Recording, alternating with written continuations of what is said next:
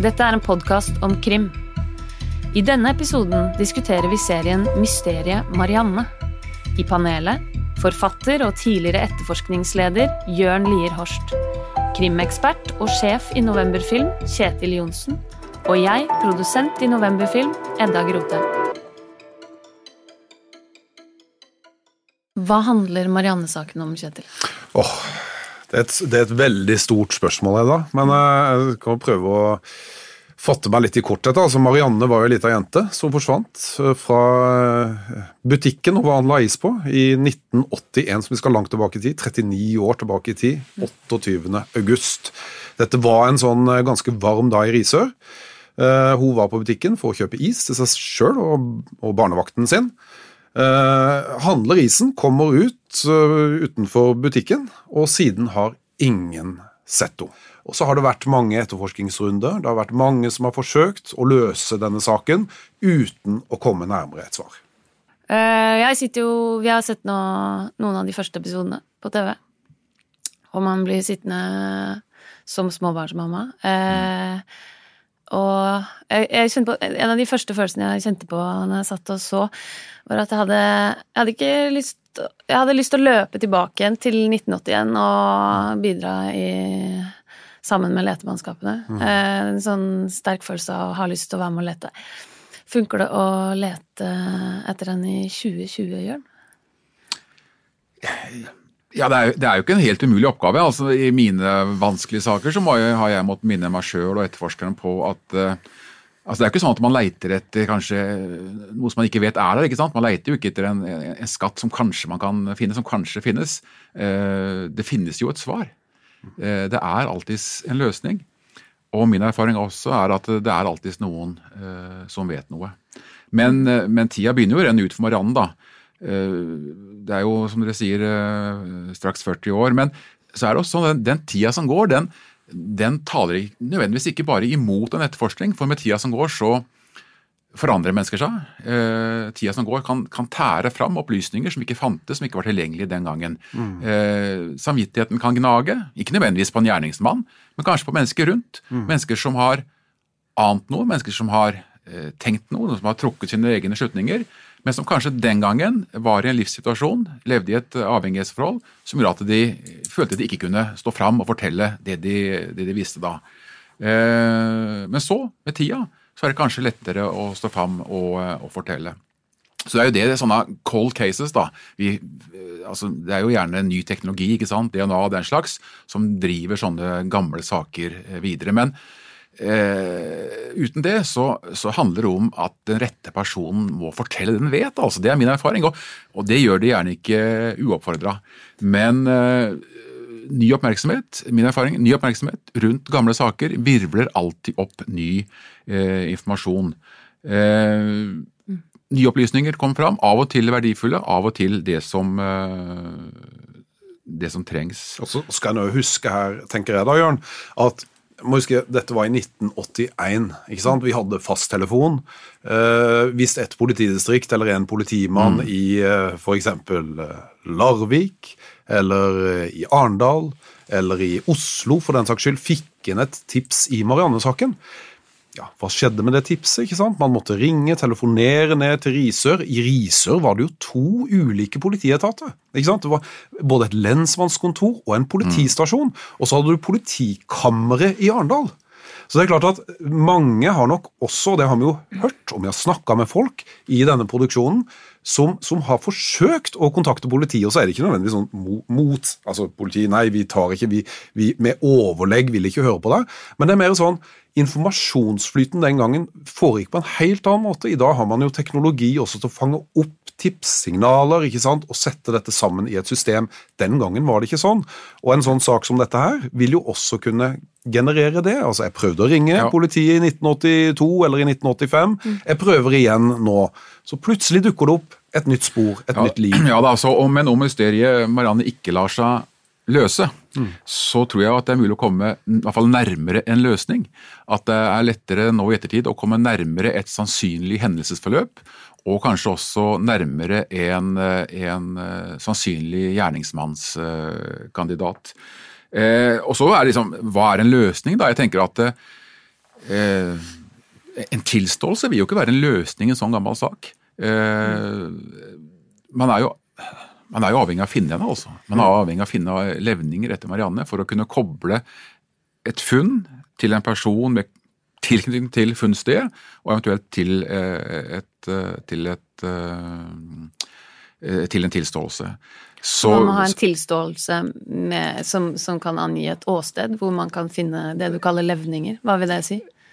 Ja, altså, Det er jo spørsmål selvfølgelig hva som er igjen av et menneske etter, etter 40 år. Eh, og av et barn, ikke sant. Mm. Eh, eh, og, og, det er det ikke noe fasitsvar på heller. det kommer helt an på ja, hvor hun er, ikke sant. Ja, det, er jo, det er jo fine mennesker i myr som er 1000 år gamle, så det, kan, det går jo an. Mm. Men i, i, porøs, luftig jord, normal, altså på en kirkegård, så forsvinner jo, så forsvinner jo eh, kroppene etter ja, 10 år, 15 år, 20 år. Mm. Men der er jo forholdene lagt til rette for at nettopp det skal skje. Mm. Men eh, hvor var du, Jørn? I 1981. Hva er ditt forhold til saken? Ja, i 1981 så var jeg 11 år. Eh, så det, men, dette er nok et av de liksom, første nyhetsminnene mine. altså i hvert fall sånn kriminalmysterium. Jeg bodde jo i, vokste opp i Bamble, som jo altså Risør ligger vel kanskje omtrent uh, halvveis mellom Arendal og, ja. og, Bamble. Ja. Uh, og Faren min jobba jo på et uh, Han var bussmekaniker, jobba på bussverksted. Da kom bussene inn uh, om ettermiddagen. Og det som lå om bord i bussene ble samla inn, deriblant mange ukeblader og aviser. Og det tok han gjerne med, med hjem. Så mora mi leste kryssord i disse ukebladene, og, jeg, og da var det på, på forsida av, av, VG at jeg ble kjent med Marianne-saken. Og den fulgte jeg jo da liksom Den første nyhetssak som jeg fulgte sånn føljetong, nærmest, gjennom, gjennom avisene. Kan du huske, Kjente du på noe frykt den gangen? Nei, det Nei. gjorde jeg ikke. Nei. Nei. Eh, jeg husker jo dette her, eh, ikke snakk om fremmede og sånt, når jeg også, men eh, aldri følt noe på den frykten, altså. Når syvåringen min har begynt å utforske nærmiljøet, ja, ja. Så, um, så er jeg glad for at jeg kan ty til en sånn GPS-ringeklokke, da. Mm. Det, det gjorde jeg med en gang eh, verden hans ble litt utvidet. Ja. Fordi jeg har disse Og det bildet tror jeg ble skapt den gangen. Men det, jeg, husker, jeg, husker, jeg, altså jeg husker jeg jobba også ganske intenst med Baneheia-saken, som jo kom mange år seinere, men, men, da jobba jeg i Dagsrevyen på den tida, og dekka den ganske intenst. og sånn. Da husker jeg kom hjem eh, det var en fredag ettermiddag. Eh, kom hjem til huset, var ingen hjemme. Og, så, og da skulle hun, eldstedattera mi nå som er 26, hun skulle vært hjemme. Maren. ja. Hun var ikke hjemme. Hun, hun var ikke der hun skulle være. Jeg gikk altså ut i panikk og lette. Fullstendig panikk. Og det å kjenne på den, den, den frykten jeg kjenner jeg får gåsehud mm. når jeg snakker om det nå, mm. det er ganske intenst. Mm. Og jeg tror kanskje det var noe av den frykten der som foreldregenerasjonen vår også dro oss litt inn i på, på 80-tallet. Jeg tror Marianne-saken var sånn for, eh, for Norge som eh, altså, denne saken med altså Eaton Pratt som forsvant i New York mm. bare et par år for Marianne, faktisk, slutten av 70-tallet. Eh, som var den første gutten som dukka opp på disse melkekartongene mm. i USA. Mm. Eh, og den frykten som ble skapt altså, det var jo Disse melkekartongene som ble solgt over hele USA, var jo med på å skape den frykten. da. Mm. Eh, hver gang man så en melkekartong med et etterlyst barn, så, så ble jo alle påminnet eh, faren da, mm. eh, ved dette her. Men, men den saken i New York gjorde jo det samme som i Norge. altså Den var med på å skape frykt, men også med på å sette fokus på altså etterforskningsarbeidet. Mm. Politiets innsats i, eh, i, eh, slike saker. Jeg tenkte umiddelbart også tilbake inn til da å ha sett serien. Å sitte og oppleve at uh, her spiller jo minuttene, eller sekundene, mm. en rolle. Uh, som mor så ville jeg sikkert løpt ut og bare begynte å lete på måfå, eller eh, trete opp på kiosken, de nærmeste stedene man kunne komme på fra toppen av hodet. Desperat. Det er jo ikke sånn politi jobber. De jobber jo strategisk. Men spørsmålet er mm, Hva er det som skjer i Marianne-saken? Ja, altså Forsvinningssaker er jo alltid vanskelig. Det er jo det vanskeligste politiet kan bli satt eh, overfor. Man må som du sier, være både rask og grundig på en gang. Eh, man må jobbe både i, i bredden og i dybden, altså hele tida mens tida går, da. Du må altså jobbe bredt nok til å favne alt, men også eh, være bevisst på å holde, holde fokus. Jeg vet ikke, jeg synes ikke man skal heller Det er jo ingen av de som jobba med saken den gangen, som lenger jobber i politiet. Sånn at det blir jo litt å snakke om, eh, om, om fedrenes synder, eh, det å skulle forsvare politiarbeidet. Eh, og jeg har, lurt på, altså jeg har tenkt på det sjøl også, hvordan jeg ville reagere, hvordan jeg ville føle på det hvis en sak som jeg har jobba med, og jeg har tenkt at vi har gjort alt vi kunne, vi har gjort så godt vi kunne, og så kommer det noen etterpå og sier at alt det vi gjorde, var galt. Mm, ja, altså, og Jeg er veldig enig med deg i det. En skal være veldig forsiktig med å på en måte kritisere historien i et sånn uh, besserwisser-lys nå. Mm. Altså, når kommer politiet inn? De kommer inn for sent, er det det som er spørsmålet? Ja, altså, politi, ja for i Marianne-saken så kommer jo politiet, som vi ser i Mysteriet Marianne dokumentarserien, så, så, kommer politiet eh, på en måte for seint i gang med kriminaletterforskninga. Mm. Altså, de kommer raskt i gang med søket. Ikke sant? Mm. Det, det er nesten umiddelbart. Men selve kriminaletterforskninga kommer de for seint i gang med. Og så kan en jo i lys av det man nå vet, kritisere det. ikke sant? Og si at nei, det i all verden kommer de ikke i gang før på tirsdag eller onsdag, altså uka etter med etterforskninga. Men det er lett å si nå. ikke sant? Må huske det her var, altså Selv om det finnes ett eksempel, Jørn, på en tilsvarende forsvinningssak fra tidligere, så er det noe med dette var jomfruelig på en måte mark for politiet også. Ja, men, så jeg har lyst til liksom å ta det litt i, ja, jeg, litt i forsvar, også, selv om det blir liksom rollebytte her. Ja, jeg også har det, men, men altså, det skal jo ikke skje at uh, et barn som møter, nei, en mor som møter deg på politistasjonen, får beskjed om å gå hjem og vente og se om ikke har kommet opp igjen uh, innen leggetid. Helt enig. Det skal ikke skje. Selvsagt ikke. Uh, og, Norge var jo ikke så eh, uskyldig heller, for vi hadde jo denne, disse Antonsen-brødrene som voldtok og drepte uh, på 70-tallet. Uh, eh, vi hadde opplevd barnedrap før, barneforsvinninger og, og, og, barnedrap. Og samtidig, altså helt siden etatsskolen, altså politiskolen ble oppretta på 50-tallet, så har jo verstefallsteorien vært fremtredende. Altså Når politiet mottar en sånn melding, så skal man alltid ta utgangspunkt i at det verste tenkelige kan ha skjedd. Mm.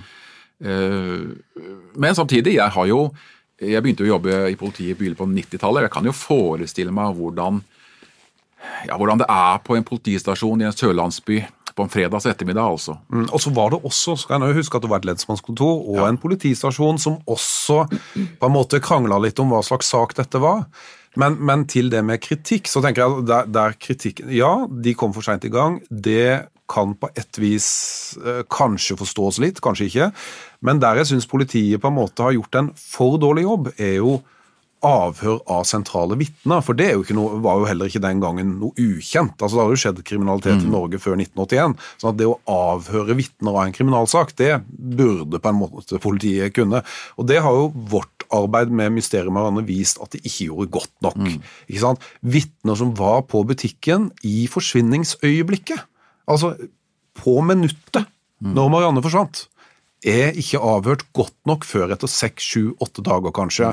Og det er klart, Da glemmer man jo hva man har sett, og viktig informasjon går tapt. Så hvis, I den grad en skal kritisere politiet her, så er det kanskje noe i det området der, da. Ja, eh, og Dette er jo kanskje brutalt å si, men uavhengig av politiets innsats, så eh, er jeg jo redd for at, eh, altså, at Mariannes skjebne, den var beseila før, før, politiet kom uh, på banen. Og igjen, hvis vi, ja, du mener det? Ja, hvis, altså, vi har jo ikke noe empiri i Norge, men igjen, hvis man ser til andre land hvor man har studert uh, sånne saker, så i uh, ja, rundt 85% av barnebortføringssaker som ender med drapssaker, så, så, blir drapet begått før det har gått tre timer. Mm. Sånn at, men, men, det vi kunne fått, som du er inne på selv om det var, var seint å, å, hindre utfallet, så kunne man i alle fall ettertid fått et svar. Mm. Eh, hatt mye større sjanse til å finne ut hva som egentlig hadde skjedd, og hvem mm. som sto bak, dersom man også gikk inn i et etterforskningsspor mm. helt fra, fra start. Kjetil, eh, hvordan havnet Marianne-saken eh, på bordet til Novemberfilm? Det er jo en sak eh, som på en måte har fulgt med litt, eh, ikke sant? Som, som, jeg har vært opptatt av lenge. Eh, og så har det vært gjort forsøk ganske nylig fra familien for å få gjenopptatt saken. og Dette har det vært skrevet om i avisene. Eh, og det eh, trigga eh, på en måte noe hos meg til å ta kontakt med familien for å høre om de, hva slags arbeid de er i gang med, eh, og hva de ser for seg fremover. Og hvor sterkt dette ønsket om en gjenopptakelse faktisk sto hos familien. Og da oppdaga jeg veldig raskt at det sto veldig sterkt. Så da avtalte jeg et møte med Torunn på en veikro eh, i Gjerstad. Eh, vi møttes, og det var veldig, veldig hyggelig, et veldig hyggelig treff. Da fikk jeg veldig god For det første fikk jeg god kjemi med henne. Uh, Torunn er jo ei fantastisk dame. Må huske det hun har stått i gjennom alle de her åra, er jo nesten altså Det er jo eh, faktisk ikke til å forstå egentlig. Det, til, altså, det, virker jo veldig raust det vi ser på TV òg, hvor hun møter alle som dukker opp med et smil. Og, ja, ja. Og, hun er så på godt humør, hun har så god energi. Vi lo og vi koste oss på mm. veikoa og spiste kjøttkaker og drakk kaffe og, og ble sittende der ganske mange timer. Og sånn starta arbeidet med Marianne-saken for vår del, som nå har endt med en dokumentarserie på TV 2. Hva er, eh, hva er det som skjer i tiden etter at Kripos er koblet på? Finner de ganske raskt en mistenkt?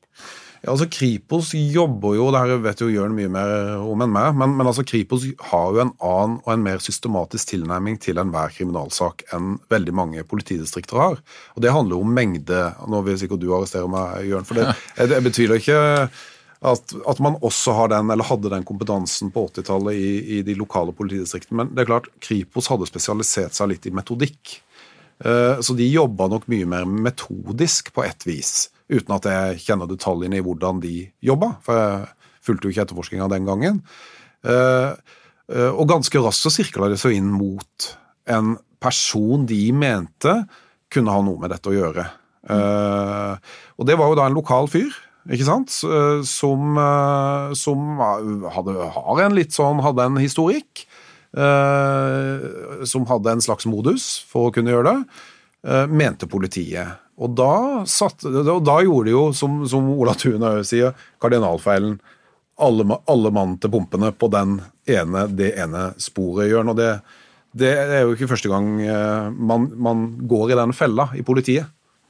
Nei, det er jo sånn, altså De største justismordene her i landet er jo eh, resultat av dette tunnelsynet. da. Ja. Eh, det som eh, man sitter igjen med hvis man bare konsentrerer seg om, om ett spor, og ikke bare at man er blinde for andre opplysninger som dukker opp, men, men det som måtte være av, av motstridende interesser eller motstridende opplysninger, det tolker man liksom ut og bort uh, av saken. da. Og det, altså Tunnelsyn er jo et sånt begrep som vi har fra si, veitrafikkloven, nærmest. Uh, hvor høyere hastighet vi kjører i, jo mindre sidesyn uh, har vi. Og det er det som, som, skjer. Man haster fremover i det ene sporet og mister det store overblikket. Og det er jo ikke bare politifolk som gjør det. Det, altså det, er jo, det, er jo, på en måte noe vi alle gjør fordi vi er mennesker. Man, man søker mot en løsning. Uh, uansett hva det er en lurer på, om det er en quiz en fredagskveld eller om det er et drapsmysterium, så søker man jo mot en løsning. Og, og vi som jobber journalistisk med, med historier, vi opplever det veldig ofte. ikke sant, At man har så lyst til at de brikkene der skal passe sammen. Mm. Og, så, og, så, er liksom alt fokus på å få de til å passe, og at mm. dette skal bli et, eh, et, puslespill til slutt som henger sammen. Så det, det er jo ikke nødvendigvis eh, sjokkerende at politiet gjør det samme. Nei. Men det er jo forferdelig dumt i denne eh, saken. Hadde man ingen historikk på den tiden? Altså eh, På justismord? Eller hadde man ingen avsløringer? Kortest er nei. Mm. Man hadde ikke nei. hatt den selvransakelsen eh, i norsk politi som, som går eh, på dette her. Man er ikke bevisst på det Eh, da som man er eh, nå. Det, og det å, det å, hindre tunnelsyn det er, jo, eh, det, altså det er jo egentlig et ledelsesansvar hvor man må sørge for at det er takhøyde. Hvor det er rom for diskusjoner, hvor det er rom for å tale imot det etablerte. Litt sånn som Ola Tune nettopp gjorde, hvor mm. han, hvor han legger fram helt motstridende tolkning av eh, det som var samla som bevis, og den, det han møter da, som til slutt gjør at han eh, sier opp sin stilling i Kripos. Mm. Eh, sånn at Den takhøyden må etterforskningsledelsen være veldig bevisst på, mm. og, og, villig til å lytte på til andre, andre stemmer. Da skal, skal huske på at altså, i, i den type saker som dette her, så får du jo altså en ting, og det er jo kanskje det alvorligste, selvfølgelig, er at man, man sporer av etterforskninga ikke sant? Og, og kommer på villspor og, og mister den som har gjort dette, av syne. ikke sant? Så det er det ene. Men det andre er jo at den gir familien et håp, et falskt håp, som de da må leve med så lenge den etterforskninga pågår. Og i Wærland-tilfellet, altså han som ble sikta i Marianne-saken, så var jo det i flere måneder. Så levde jo da familien på et håp. Så Kanskje Ja, da var det vel han, da. Tenker jo selvfølgelig familien. Og får en dobbeltsorg når da det viser seg at det ikke var han. Eh, og så er det jo familien til den som rammes, altså Wærland sjøl. Som, som da får et stempel lokalt, og fortsatt har det. Ikke sant? På at han hadde noe med denne historien å gjøre på et eller annet vis. Og det er jo, eh, har jo prega han, familien og kona i alle år, altså helt fram til hans død. Så har den saken prega han. Sånn at det ligger så mange eh, Hva skal en kalle det? Eh, mange menneskeskjebner i kjølvannet av en sånn kardinalfeil i politiet. At det, Det- burde aldri ha skjedd. Ja, det er, og det er skadelig på alle mulige måter. For i det øyeblikk eh, det blir overskriften i avisen, at eh, nå har politiet arrestert en mann, eh, så de som har gått og tenkt på skal jeg ringe og si fra om det jeg så, skal jeg melde fra det jeg hørte, de vil tenke da at nei, nå trenger jeg ikke gjøre det likevel. Eh, så dermed så mister du også den informasjonsflyten. Hva slags vel av informasjon var det som møtte denne redaksjonen i Novemberfilm, som eh, begynte å sette seg inn i Marianne-saken? Ja, du kan si altså, i, altså starten, I starten av dette så tenkte vi jo på Mariannes forsvinning som en nesten 40 år gammel sak. Eh, med alt det fører med seg. Altså at folk har dødd underveis, forsvunnet. eh, det er stille rundt dette her. eh, Ikke sant? Altså Det er jo sånn man tror. Og så, og så begynner jo redaksjonen da å jobbe eh, ganske målretta og ganske Altså både målretta og bredt. Eh, virvle på en måte opp en del støv i gatene, bokstavelig talt, i, i Risør.